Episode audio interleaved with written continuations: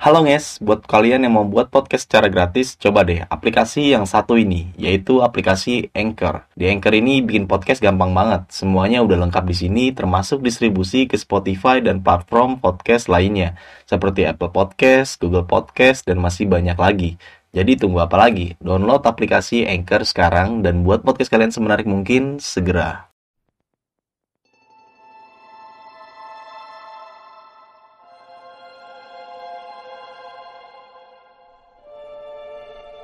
Di Gunung Selamat itu ada namanya eh, pasar setan. Mata air Hmm. cuma diakuin sebagai pemandian macan.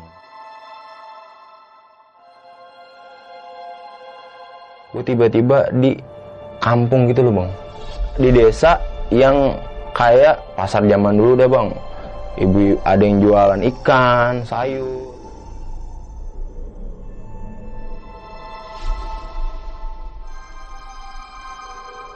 Mereka pakai pakaian jadul ya pakaian zaman dulu ya ada pakai kemben Oke. yang laki ada yang telanjang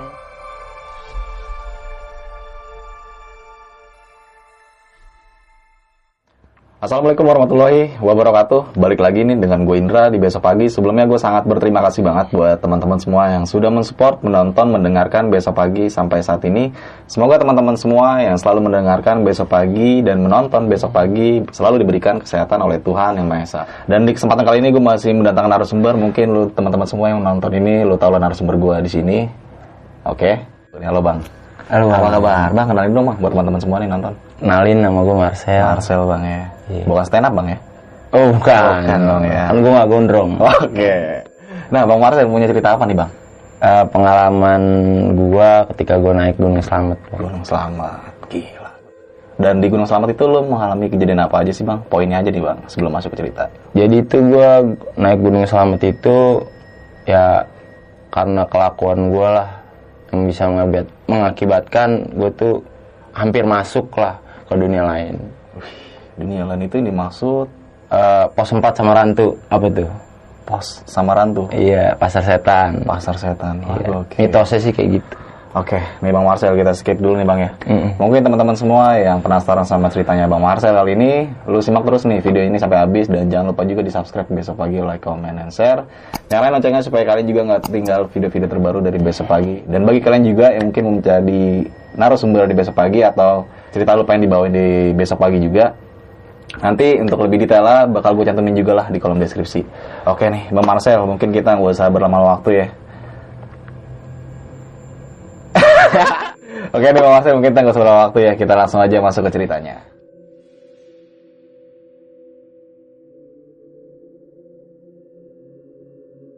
Nah, bisa diceritain dari awal nggak sih Bang? Eh, kenapa lu bisa mengalami hal itu? jadi awalnya itu gue itu naik di tahun 2017 gue lupa bulan apa tuh gue niat naik itu berempat waktu itu bang Oke. berempat gua ada namanya botak Yuda sama Jibon Oke. nah gue naik berempat. Gue naik ke sana tuh naik kereta dari stasiun Pasar Senen menuju stasiun Purwokerto. Waktu itu tuh gue naik kereta siang sore lah iya Siang sore. Iya. Maksudnya siang sampai sore gitu ya? Atau gimana nih? berangkatnya Oh, berangkatnya. iya berangkatnya gue siang atau sore gitu nyampe di stasiun Purwokerto itu sekitar jam 3 4 subuh lah Oke. sesampainya kita di stasiun Purwokerto nah kondisi kan itu masih pagi lah bang ya masih subuh lah ya otomatis angkutan umum kan belum ada tuh Stay dulu di situ ya. iya ya, kita nyampe kita ngom gue ngomong sama temen-temen gue kita stay dulu nih sampai pagi ya Hmm. sambil nunggu angkutan umum kita ngopi lah sarapan cari sarapan sambil ngopi akhirnya gue keluar dari stasiun gue ngopi di ya mungkin kalau di Jakarta kayak warkop lah ya Hmm. kayak warkop Kalau di Jawa apa tuh, Sel? apa ya warung biasa kali ya Warungnya Warja kali ya? iya warjau iya war kita kalau nggak salah itu Oh, war kita. Iya. Oke. kita ngopi sarapan makan gorengan sih sebenarnya gorengan sambil ngopi gue berempat nggak lama gue makan tuh ada bapak-bapak nyamperin gue? Mm-mm. nyamperin gue langsung nanya tuh mas mau ke mana? Eh, naik gunung apa? gitu. gunung selamat pak. Heeh. oh nunggu nunggu apa? Mau naik apa emang ke kaki gunung selamat mau naik dari mana? Via mana? Bambangan pak. Oh gitu ya Ter- eh, terus gue diskusi lah sama temen-temen gue gimana nih? Mau nggak? Kira kita nanya harga juga. Udah cocok harga deal lah. Kira kita mau lah nyarter mobil tuh bapak itu. Oke. Eh, sebelum kita berangkat bapak itu ngikut lah kita ngopi bareng sambil ngobrol-ngobrol. Mm. sembari kita makan ngopi bapak itulah cerita "Eh, kalian pasti dari Jakarta ya kata gitu. Wah kok bapak bisa tahu. Iya kelihatan pendaki Jakarta kata gitu. Oh, kelihatannya dari mana tuh? gua nggak tahu juga apa gimana tuh. udah terus akhirnya cerita lah tuh. Kalian ke sini naik gunung tujuannya apa sih gitu? Hmm. ya kita jawab apa adanya aja holiday. Hmm. jalan-jalan pak. Ya terus? Oh kirain mau nyari hal-hal lain kata gitu. Hal-hal lain pak? Apa tuh gitu? Kita sih emang niat dari Jakarta emang buat liburan aja pak jalan-jalan. Oh gitu ya. Eh, bapak mau cerita sedikit nih gitu. Kalau Gunung Slamet itu ada mitosnya. Oke. ada ya ceritanya lah. Hmm. dan bapak sendiri tuh pernah nemenin orang buat pesugihan katanya. Wih. katanya gitu nah gue berempat tuh makin penasaran dong Hmm. wah boleh tuh pak diceritain apa aja mitos yang ada di Gunung Slamet itu kan Hmm. kira dicerita ya waktu itu bapak tuh pernah nemenin orang ke Gunung Slamet buat pesugihan lah nah nggak tahu nih pesugihannya biar kaya kah atau biar dapet perempuan kah kita Iya, nggak iya. tahu lah Ah, ah. oh gitu ya pak terus gimana tuh pak caranya gitu atau apa sih yang dilakuin Iya. ya kalau di Gunung Slamet itu ada namanya eh, pasar setan Oke. Nah, pasar setan itu adanya di pos 4 Samarantu namanya tuh. Jadi itu syarat untuk melakukan pesugihan itu tuh bawa burung gagak katanya gitu. Dari bawah. Iya. Pokoknya itu hanya bawa burung gagak. Jadi ini burung gagak ini diperuntukkan untuk transaksi jadinya.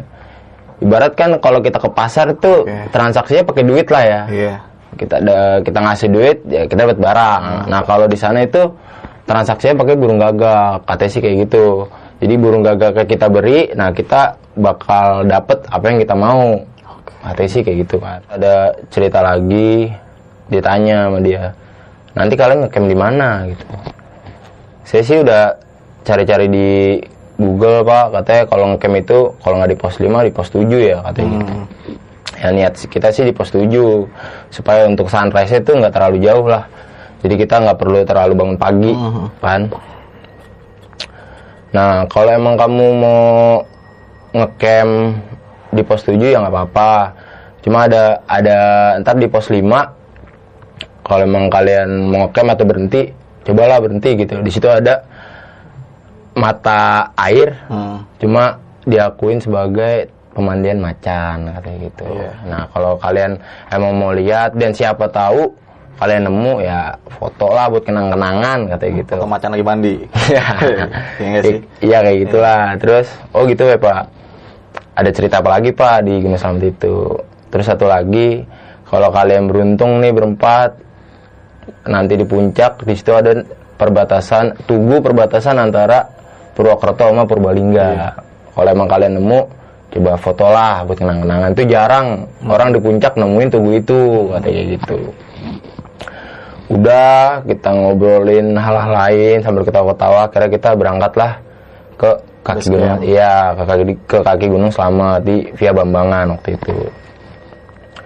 Sesampainya kita di kaki gunung Slamet tuh sekitar jam 6 lah jam 6 setengah 7 kita sampai kita langsung prepare eh, salah satu ngurusin simaksi sisanya ngurusin peralatan pas nyampe kita di base camp itu ada ternyata tuh ada pendaki lain tuh bang Oke. pendaki lain kita kenalan lah karena sama kita di gunung pasti kan Kenalan lah. ya. kenalan lah Iya. dia nanya bang dari mana gitu dari Jakarta kita jawab kan oh Jakarta deket dong ya, kita tanya emang abang dari mana? Dari Depok. Wah deket dong Depok. Akhirnya dia ngajakin lah naik bareng. Mm-mm. naik bareng aja bang biar rame trekkingnya. Posisi itu emang pas gue naik selamat itu sepi sih bang. Hari biasa tuh, Sel. Mm-mm, hari biasa. Hmm. hari biasa itu. Jadi sepi. Kira ya udahlah eh, kita akhirnya naik eh, niat buat naik bareng Eh, terus tuh sebelum naik orang Depok manggil bang sini gitu kenapa bang ternyata dia bawa tas bang Cuy, orang Depok ini. iya bu- nawarin lah ke gue sama temen-temen Ah. minum dulu bang Ah. biar anget katanya Oh, iya. emang main mahal lah Oke. Minum dulu bang, biar kita trekkingnya semangat nih, anget dingin katanya Hmm. gitu. Emang posisi itu juga kita masih doyan lah bang, kalau sekarang udah enggak kan, Hmm. masih doyan. Ya udah kita iyain aja lah, kita ngikut. Udah, kita prepare lagi, sekitar jam setengah tujuh mau jam tujuh, kita les start trekking. Sampai pos 1, pos 2, ya seperti biasa, naik gunung biasa. Hmm. Ada warung kita berhenti, kita makan semangka, ya Iya, kan. iya. Semangka di gunung tahu bang gimana Wah, enak tuh. Ya kan, Mahal juga ya. kayak di kulkas ya kan dingin. Iya. Padahal kagak di kulkas tuh semangka. Ah, ah. Mahal tuh, juga kan. Setahu gue sih ambil dari kulkas makanya tuh terus itu. Kan jauh kulkasnya. Setelah itu ya nggak ada terjadi apa-apa emang. Eh, lanjut pos 3. Nah pas nyampe pos 4 kita udah yang berempat itu kan udah denger cerita sebelumnya ya. Ya udah kita cuek aja. Emang nggak ada niatan buat berhenti di situ. Karena emang pas cerita itu bapak itu nyaranin untuk nggak berhenti. Oke. eh, j- jangan kan berhenti eh, ngecamp pun juga nggak boleh. Jangan kan ngecamp berhenti pun nggak boleh kata gitu kan. Akhirnya yaudah kita lewat biasa. Setelah lewat pos 4 ternyata tuh tim yang dari Depok salah satunya itu ada yang nggak kuat bang. Nah ada yang nggak kuat terus kita tanya tuh iya dia nggak kuat nih gimana ya? Gitu kan. Akhirnya kita lumayan berhenti lama setelah pos 4 nah ternyata itu tim Depok ini teman kerja lah bang. Satu perusahaan gitu loh. Sama?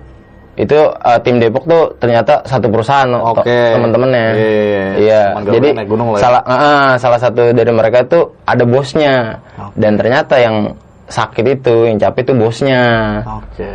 otomatis dia pada wanti-wanti lah Hmm. dia perusahaan roti kalau nggak salah pabrik roti Hmm.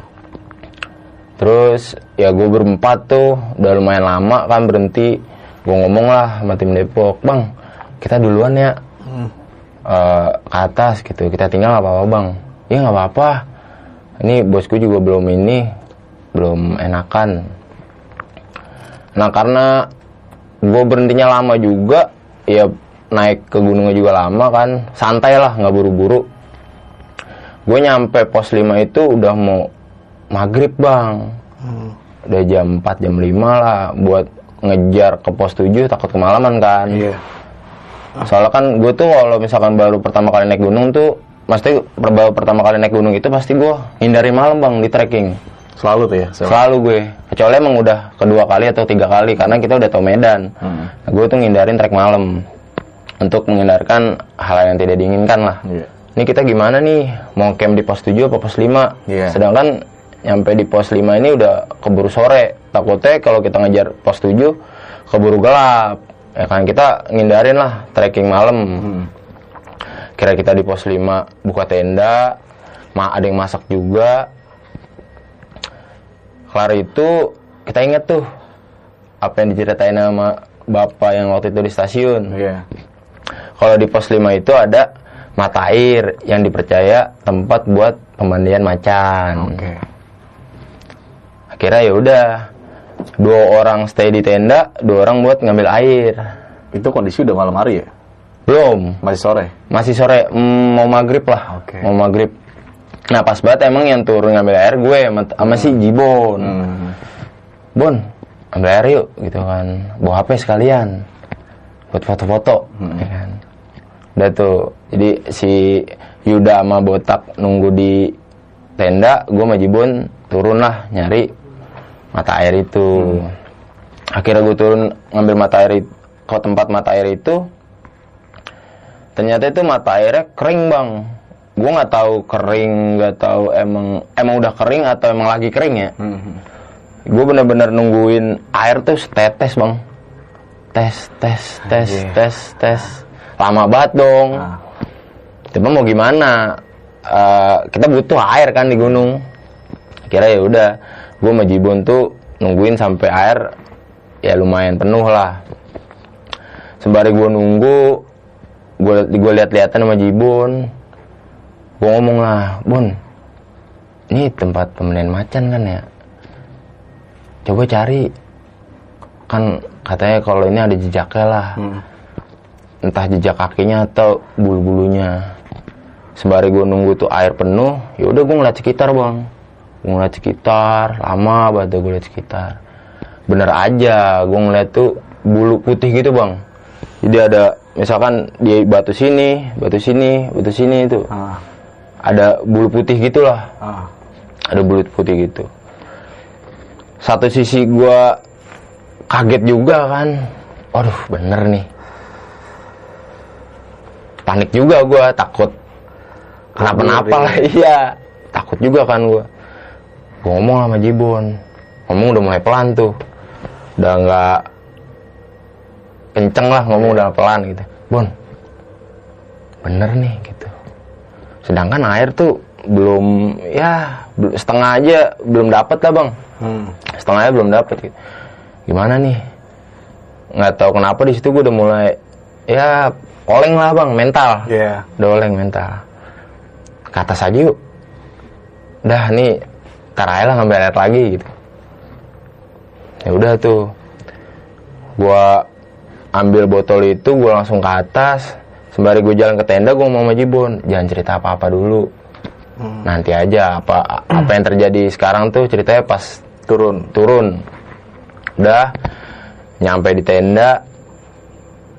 Udah makanan udah siap juga. Gue langsung ngomong deh sini makan gitu. Airnya dapet nggak? Gue bilang aja kan. Airnya kering. Gue nungguin lama banget setetes tetes nih. Oh yaudah nggak apa-apa dah. Ini makan dulu. Udah tuh gue makan kelar makan yaudah kita rebahan lah kan. Rebahan ngobrol-ngobrol lagi canda-canda lagi. Sekitar jam 7 jam 8 tuh ternyata yang orang Depok itu nyampe lah tuh bang. Di pos 5. iya. Nah pas ngecamp emang deket tempat gue. Kira dia ngomong wah lu gitu kan. Ini buka tenda sini aja gitu. Iya bang buka tenda sini aja gitu. Udah tuh dia buka tenda sebelah gue juga kelar dia buka tenda karena dia emang ramean kan ya 10 orang ya udah ada yang buka tenda ada yang masak dan ada juga udah ngelanjutin minum lagi Oh, Iya, bang, kita lanjutin nih gitu, Oke. biar hangat, masih sama kata-kata biar hangat.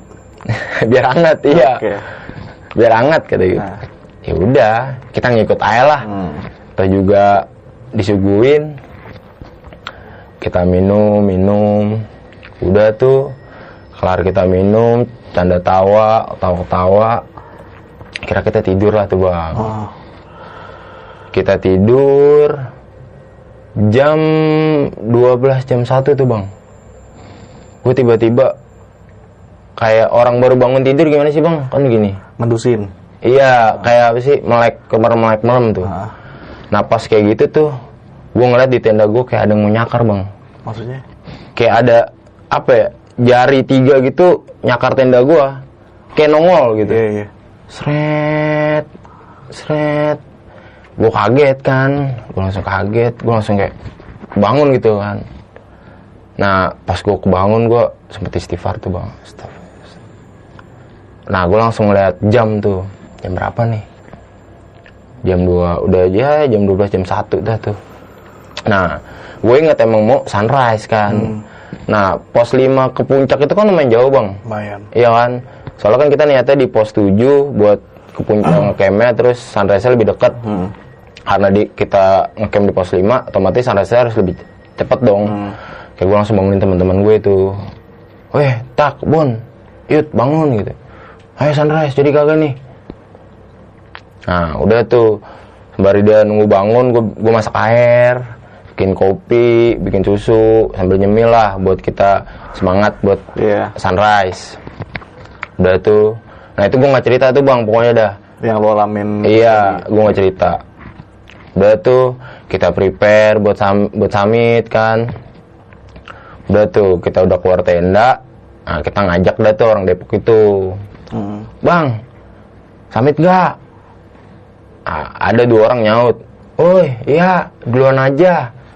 Ya udah, kira gue berempat start eh, start summit tuh. Hmm. Udah ya, eh, jalan terus deh tuh pos 6, pos 7 sampai akhirnya gue sampai puncak sekitar jam gue lumayan telat tuh bang Eh, gue dapet sunrise itu di trekking lah Oke. nggak dapet sunrise di puncak Hmm. soalnya juga posisi gue nggak bawa eh bawa headlamp cuma dua. Jadi yang depan sama yang belakang. Tengahnya dua nggak ada yang make. Ya udah nggak apa-apa. Itu gue nyampe di puncak tuh sekitar ya setengah tujuh jam tujuh lah.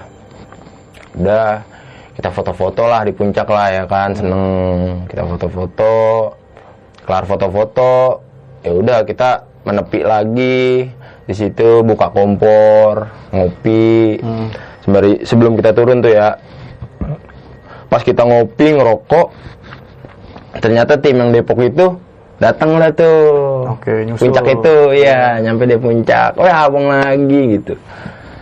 Oh ya bang gitu. Lanjut lanjut. Nah eh, turunnya bareng aja bang barengin turunnya. Hmm. ya udah kira gue ngopinya rada lama juga kan tuh. Dia juga ada yang foto-foto juga. Kelar foto-foto. Nah iya pas dia ke puncak itu dia nggak full bang dia cuma tujuh orang tiga orangnya Nungguin di bawah. nungguin di bawah nungguin si bosnya itu yang sakit Oke. Iya. Itu emang gue sempat gue tanya, eh kok tujuh orang doang bang? Iya, eh, bos yang ini masih kurang sehat. Kira dua orang stay di bawah. Nah. Udah tuh. Kira kita ngumpul deh tuh di puncak. Mereka udah foto-foto. Pas kita lagi ngopi, orang Depok itu nawarin lagi bang. Ya, Ah, bukan. apa tuh? Dia nawarin, ah paham lah ya, dan suruh. Gue juga kaget, bang. Enak nih di puncak. Apaan tuh? Ya, cobain aja. Hmm. Ya kita tahu kan. Nah, emang kita di situ emang nggak nggak mau lah gitu.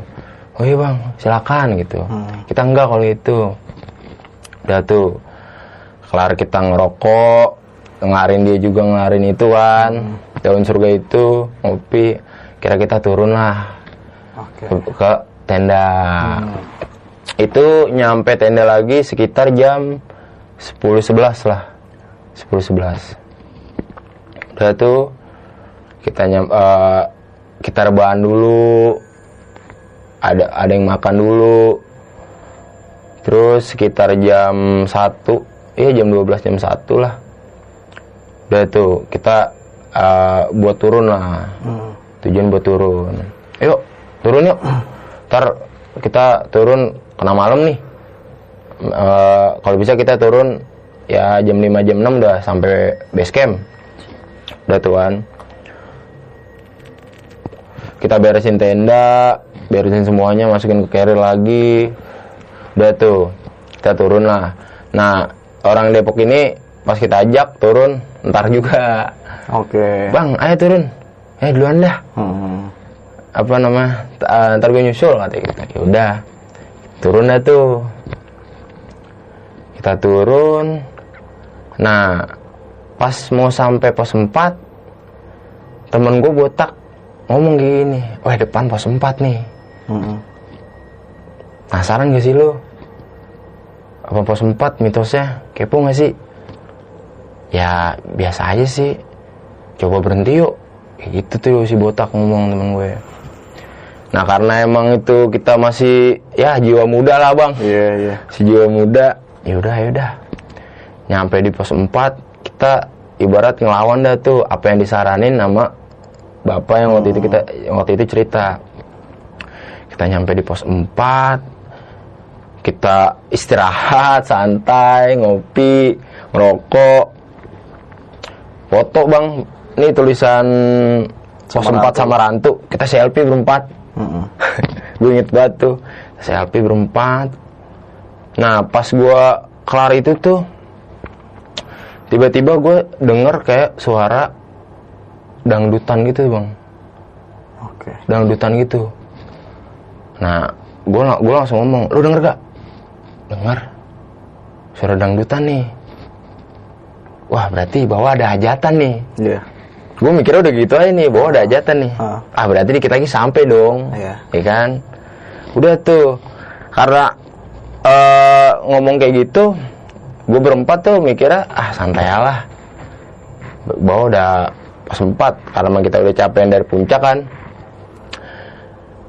tanpa gue sadarin tuh gue ketiduran bang di situ Di Samaran tuh. Iya, gue ketiduran berempat. Pas gue melek itu bang, pas gue melek ya, pas gue melek itu, gue tiba-tiba di kampung gitu loh bang. Maksudnya di desa gitu. Iya, di desa yang kayak pasar gitu, pasar dulu jadul. Iya, iya. Pas gue bangun tuh, kita di mana ya? Tuh yang gue lihat kayak pasar zaman dulu dah bang.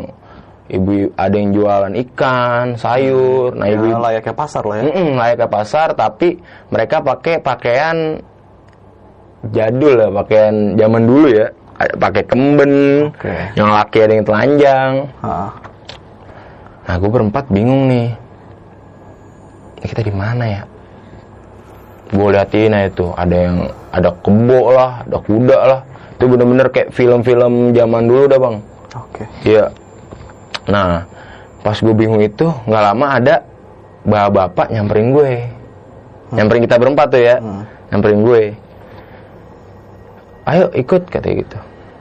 Nah, karena gue juga nggak tahu kan harus ngapain, gimana, ya udah tuh gue ngikut aja tuh bang. Gue ngikut, gue ngikut, ternyata tuh gue dibawa ke balai desa kali ya, apa panggung gitu ya Ah. kayak rumah adat situlah. Hmm.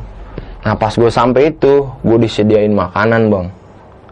Makanan tuh enak banget dah. Pas gue nyampe itu gue kaget tuh, set makanan nih. Ibarat tuh kayak gue tuh tamu besar lah bang. Hmm. Gue disediain makanan, gue liatin tuh, eh makanan semua nih kan. Kira gue disuruh duduk. Nah pas gue disuruh duduk itu, di situ tuh orang yang ngajak gue dan yang di udah stay di tempat itu ya cuma nyuruh gue makan. Silakan dimakan. Kayak gitu tuh. Pas mau gue makan tuh bang gue denger suara kayak bokap gue deh pulang katanya gitu. Deh pulang. Gue kaget tuh. Gue sa gue cari dong pasti kan nih suara dari mana nih. Deh pulang. Pas gue denger suara itu tuh gue terdiam bang tuh.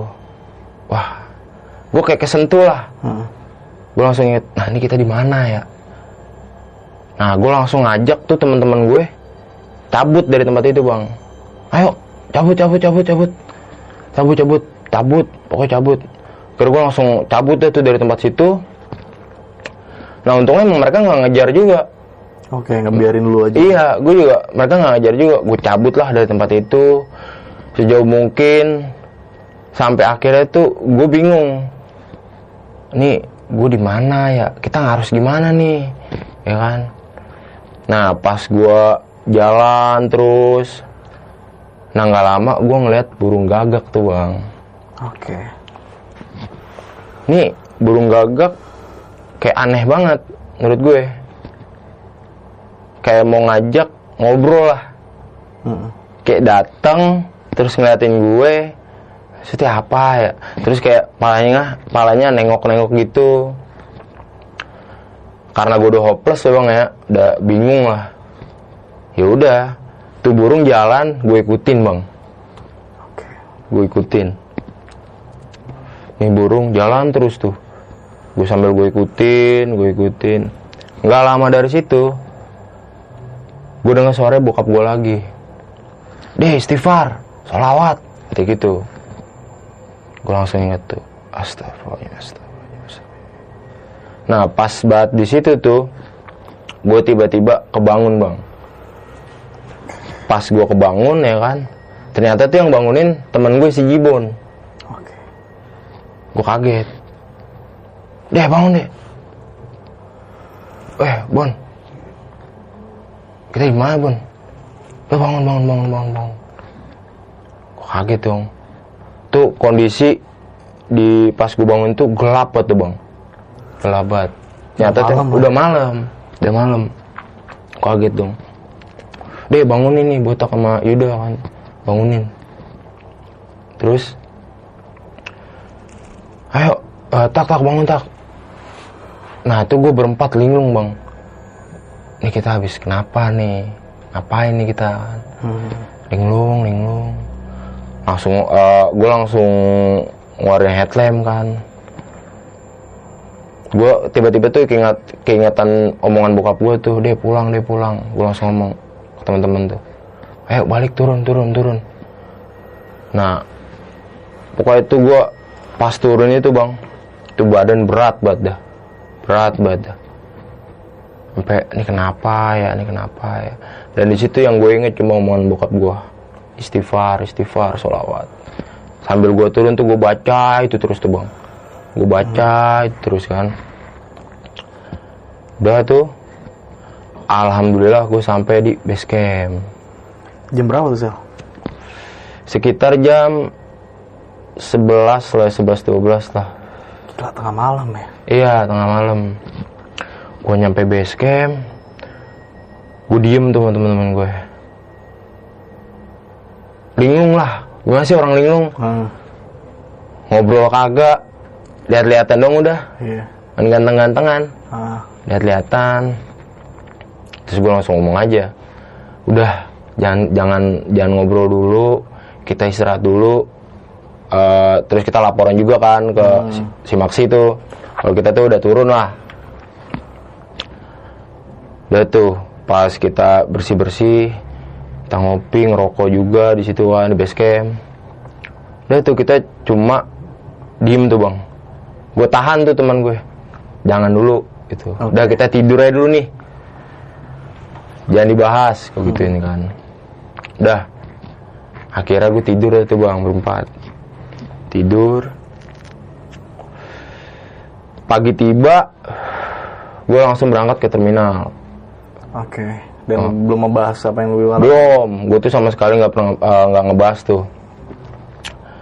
Gue langsung ke terminal. Singkat cerita, gue sampai Jakarta tuh ya sore lah, Hmm. sore.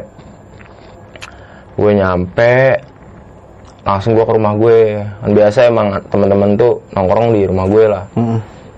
Pas banget gue nyampe, bokap gue tuh udah kayak nungguin gue bang. Langsung ngomong, Dek, Alhamdulillah gitu kan.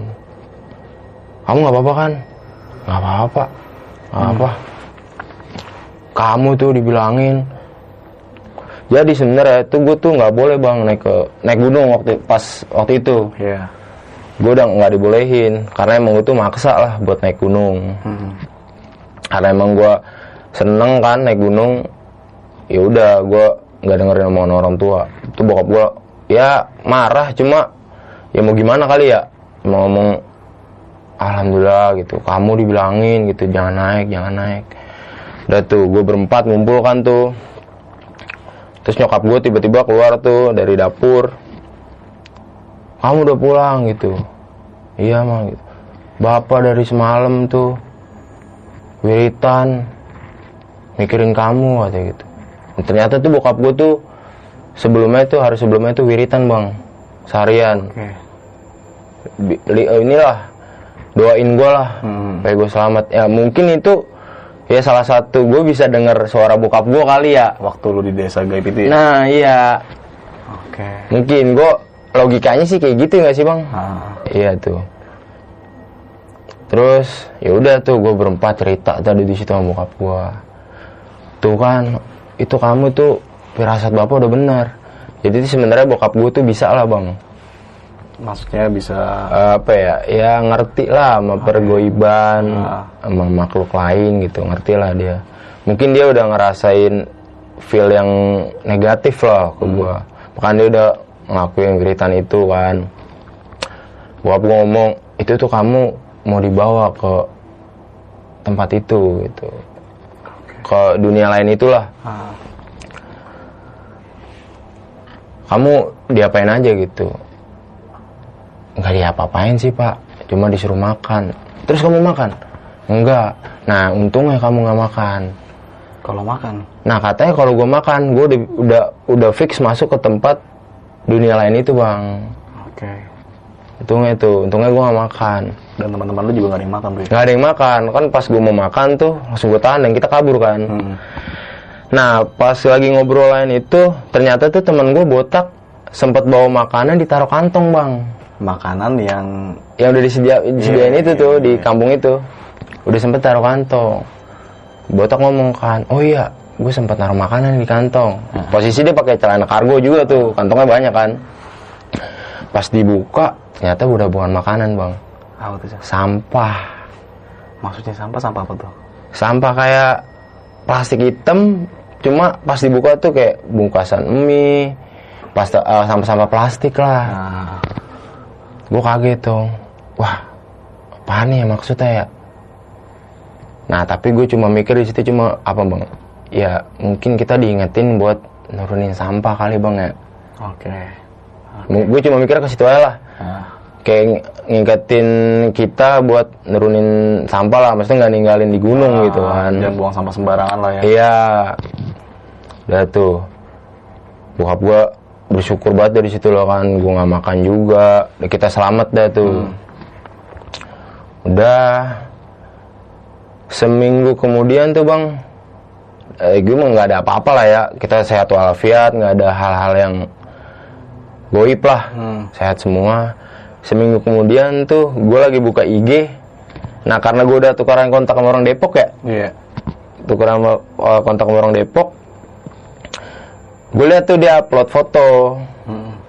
oh gue langsung ngechat nih. Kok dia nggak lihat gue di pos 4 tujuan gue tuh pengen nanyain. Hmm. pengen nanyain tuh. Pas dia turun lihat gua nggak? iya. Iya. itu langsung gue chat. Nah pas gue chat pe langsung gue telepon lah. Salah satu dari tim Depok itu kan. Halo bang. Nanya kabar dong gue Hmm. gimana bang? Kabar? Sehat? Iya sehat. Gimana bos lu Gua gituin tuh. Kata Masih dia jadi bos apa enggak? enggak dong ya. pas gue tanya eh, dia ngomong iya sekarang udah alhamdulillah. Pas gue tanya kenapa tuh? Ya ternyata dia sakit yang nggak wajar tuh bang. Gue tanya dong kok bisa? Kenapa? Emang ngelakuin apa? Ya pas gue tanya ke orang pinter ustadz gitu ternyata tuh dia yang ngebawa miras itu bang. Oke. yang ngebawa daun surga itu. Ah, udah jelas dong alasannya. Iya. masuk akal lah. Ya. kita salah lah market kayak gituan di gunung ya kan? Kan gunung sakral lah tempatnya. Makhluk gituan kita salah gunain deh mungkin situ. Terus udah terus gue tanya tuh bang lu pas turun dari pos 5 ke pos 4 ngeliat gue nggak? Hmm. enggak sepi. Nah gue langsung nah tapi gue nggak cerita tuh bang orang Depok Kalau lu sempat tertidur di situ. Iya, gue cuma ngomong pas dia ngomong nggak lihat, oh ya udah, gue gituin. Nggak, kalau emang nggak lihat, udah, gue bilang sehat-sehat ya bang ya. Hmm. Siapa tahu kita bisa naik gunung bareng lagi, berkabar. Percakapan selesai. Tahapan selesai. Oke. Udah sih bang, gitu aja cerita gue.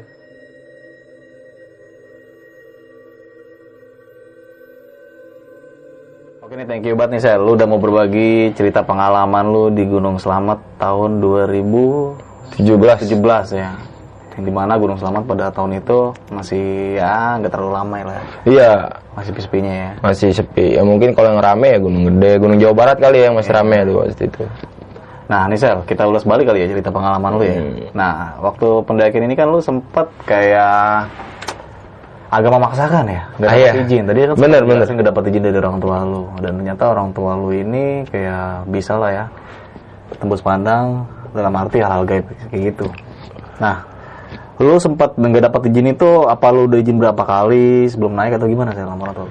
sebenarnya itu gue kalau ke mana-mana tuh selalu izin atau gimana? enggak oh enggak kebalikannya ya iya gue tuh biasanya kalau ke mana-mana ya udah cabut ya. Kayak anak laki-laki pada umumnya lah bang. Iya.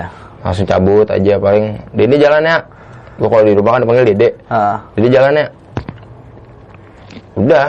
Nah pas mau naik gunung selamat itu bokap emang tahu atau gimana? Iya pokoknya tiba-tiba jangan naik dulu gitu. Oke. Jangan naik dulu. Ya ya karena gue kekeh lah bang. Pengen naik juga. Ah. kepo lah mau gunung selamat Lu ya naik udah dah gue naik lah akhirnya ya kayak gitu. Tanpa kayak berat hati lah orang tua izinin naik gunung ya. Dan sampai pada akhirnya lu di perjalanan ini kayak ya gonjang ganjing lah yang tadi lu sempat ceritain oh. ngalamin hal kayak gitu ya. Nah di Gunung Selamat waktu pertama kali lu naik kan tidak terjadi apa-apa tuh. Heeh. sel sampai pada akhirnya eh, lu mendapatkan cerita dari supir ini ya yang bersuges akhirnya lu mengalami juga tuh kayak gitu. Iya betul. Ya kan? Mm-mm. nah lu sempat eh, menemuin kayak bulu macan nih Mm-mm. tuh lu ngeyakini kalau itu bulu macan ya menurut gue di tempat hutan ya gunung ya Hmm. ada bulu gitu Hmm. kayak bulu hewan ya gue percaya ya kalau itu bulu macan sih bang dan itu banyak lu lumayan jadi kayak di batu ini terus di Hmm. sebelahnya sebelahnya sebelahnya kayak gitu emang nggak terlalu tebal gitu Hmm. cuma ya kayak bulu Iya. Dan lu kan sempat ngambil air ya. Stok air lu itu bener-bener udah habis atau buat cadangan? buat cadangan Oh, buat cadangan. Heeh, Dan gua- keadaan waktu mata air kan kering ya. Heeh. Dan itu lu cukup tuh air persediaan air lu waktu itu. karena gue tuh kalau naik gunung pasti ya min- mining gue tuh udah pas lah insya Allah bang Ah. ya tapi kalau emang ada mata air ya gue usahain pasti ngambil air Oke. jadi jaga ya. jaga-jaga betul Dan pada akhirnya ya lu ngambil air cuma segitu doang. Mm-mm. sedapatnya Dapatnya ya. Dan lu tahu lah lah ya mata air di pos timur itu agak menjorok ke dalam gitu. iya ibarat kayak ini kayak sebenarnya kayak curug cuma airnya nggak ada Iya bener-bener kering ya. kering emang lagi kering atau udah kering gue nggak tahu juga Nah sampai berlanjut lu eh, oke lah Ah, lu sempet kayak melakukan hal-hal yang dilarang lah ya kan. Mm-mm. Bukan hanya di gunung doang, mungkin di sini yang menjadi image yang jelek juga kan. Heeh. Dan waktu lu tidur, lu sempat menyaksikan kayak ada apa di tenda? cakaran Cakaran. Oh, kayak gue mau dicakar gitu eh tendanya kayak mau dicakar gitu lah Dan itu cakaran kayak jari manusia atau gimana? Sel?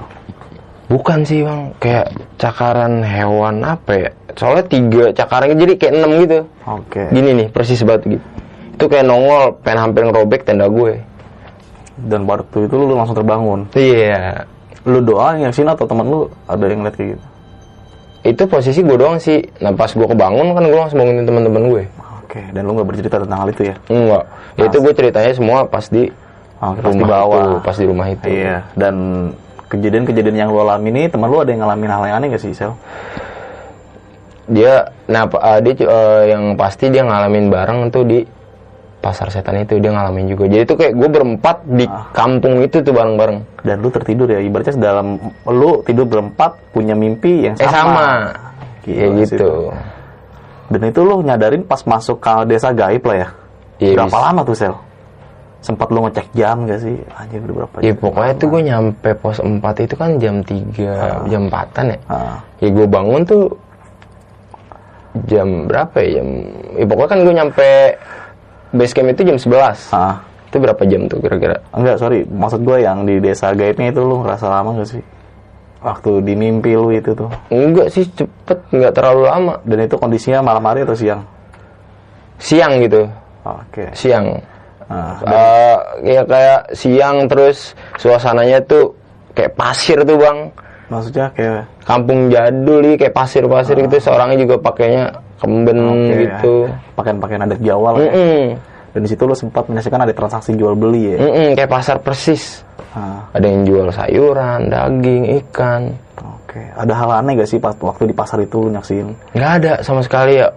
Orang pada ngobrol sendirinya aja gue diem aja maksudnya itu nggak lama kan ada bapak-bapak yang nyamperin Ah, itu ah. Dan lu nggak ada niatin kayak ah gue beli ini gitu oh nggak ada. enggak ada Tapi anehnya waktu di mimpi ini lu kayak merasakan aneh ya. Eh anjir gue di mana ini gitu. ya. iya ini gue di mana ya Dan itu sama temen lu tuh berempat. iya Oke, temen lu ada yang bertanya gak sih waktu di mimpi itu ya nih kita bahas tentang lu masuk ke desa gaib ini. Ada yang sempat nanya gak sih waktu lu masuk desa gaib itu, eh ada percakapan kayak kita di mana, kita di mana nih? Iya, eh, pokoknya pas sampai di eh, mimpi itu sebelum bapak yang datang ngajakin kita ke balai desa itu atau rumah adat itu, ya udah kita cuma, ini kita di mana? Oke. Kita ngapain ya gitu kan? Ah. Jadi kok bisa di sini gitu? Sampai akhirnya bapak, bapak itu datang, ya udah kita ngikut aja, karena Nganterin kita udah bilang. balai ya. Hah? Iya nganterin lu ke balai ya. Kedal. Iya. Ah, Oke. Pas di balai nih, sel nih, di balai lu sediain kayak makanan ya. Heeh.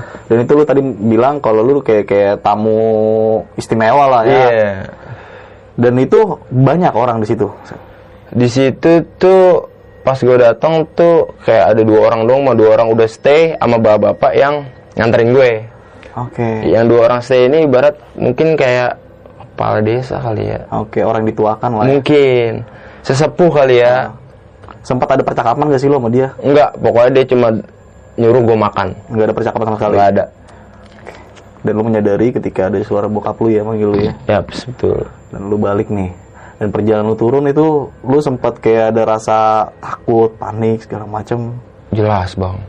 Berempat gua alamin itu. Berempat. Gue, wah, merinding banget jalan. Ya, yang ngebantu gue mungkin ya istighfar itu, salawat itu. Dan kayak suara bokap lu ini sampai bawah tuh selalu terdengar tuh. Terngiang-ngiang gue malah, Bang. Oke. Disuruh istighfar. Selain lu yang ngalamin, temen lu ada yang ngalamin gitu gak sih? Mas gua masuk firasat-firasat lain setelah pas lu turun. Enggak sih itu. Pokoknya itu gue doang itu. Oke. Mungkin karena emang gue yang leader kali ya dari dari mereka semua kali ya. Mungkin kayak itu kali. Oke. Dan semua yang lo alamin ini bukan karena terjadi begitu aja salah. Iya. Dan ada lo- sebabnya. Ada sebabnya. Ada sebab. Dan sebabnya itu mungkin teman-teman yang menyimak video ini sampai habis lo tau lah sebabnya apa ya. Oke nih Sel, mungkin kita sebelum mengakhiri video ini ya, uh, lu punya pesan-pesan gak sih buat teman-teman semua nih yang nonton? Ya buat lu nih semua kalau mau naik gunung jangan aneh-aneh lah. Oke.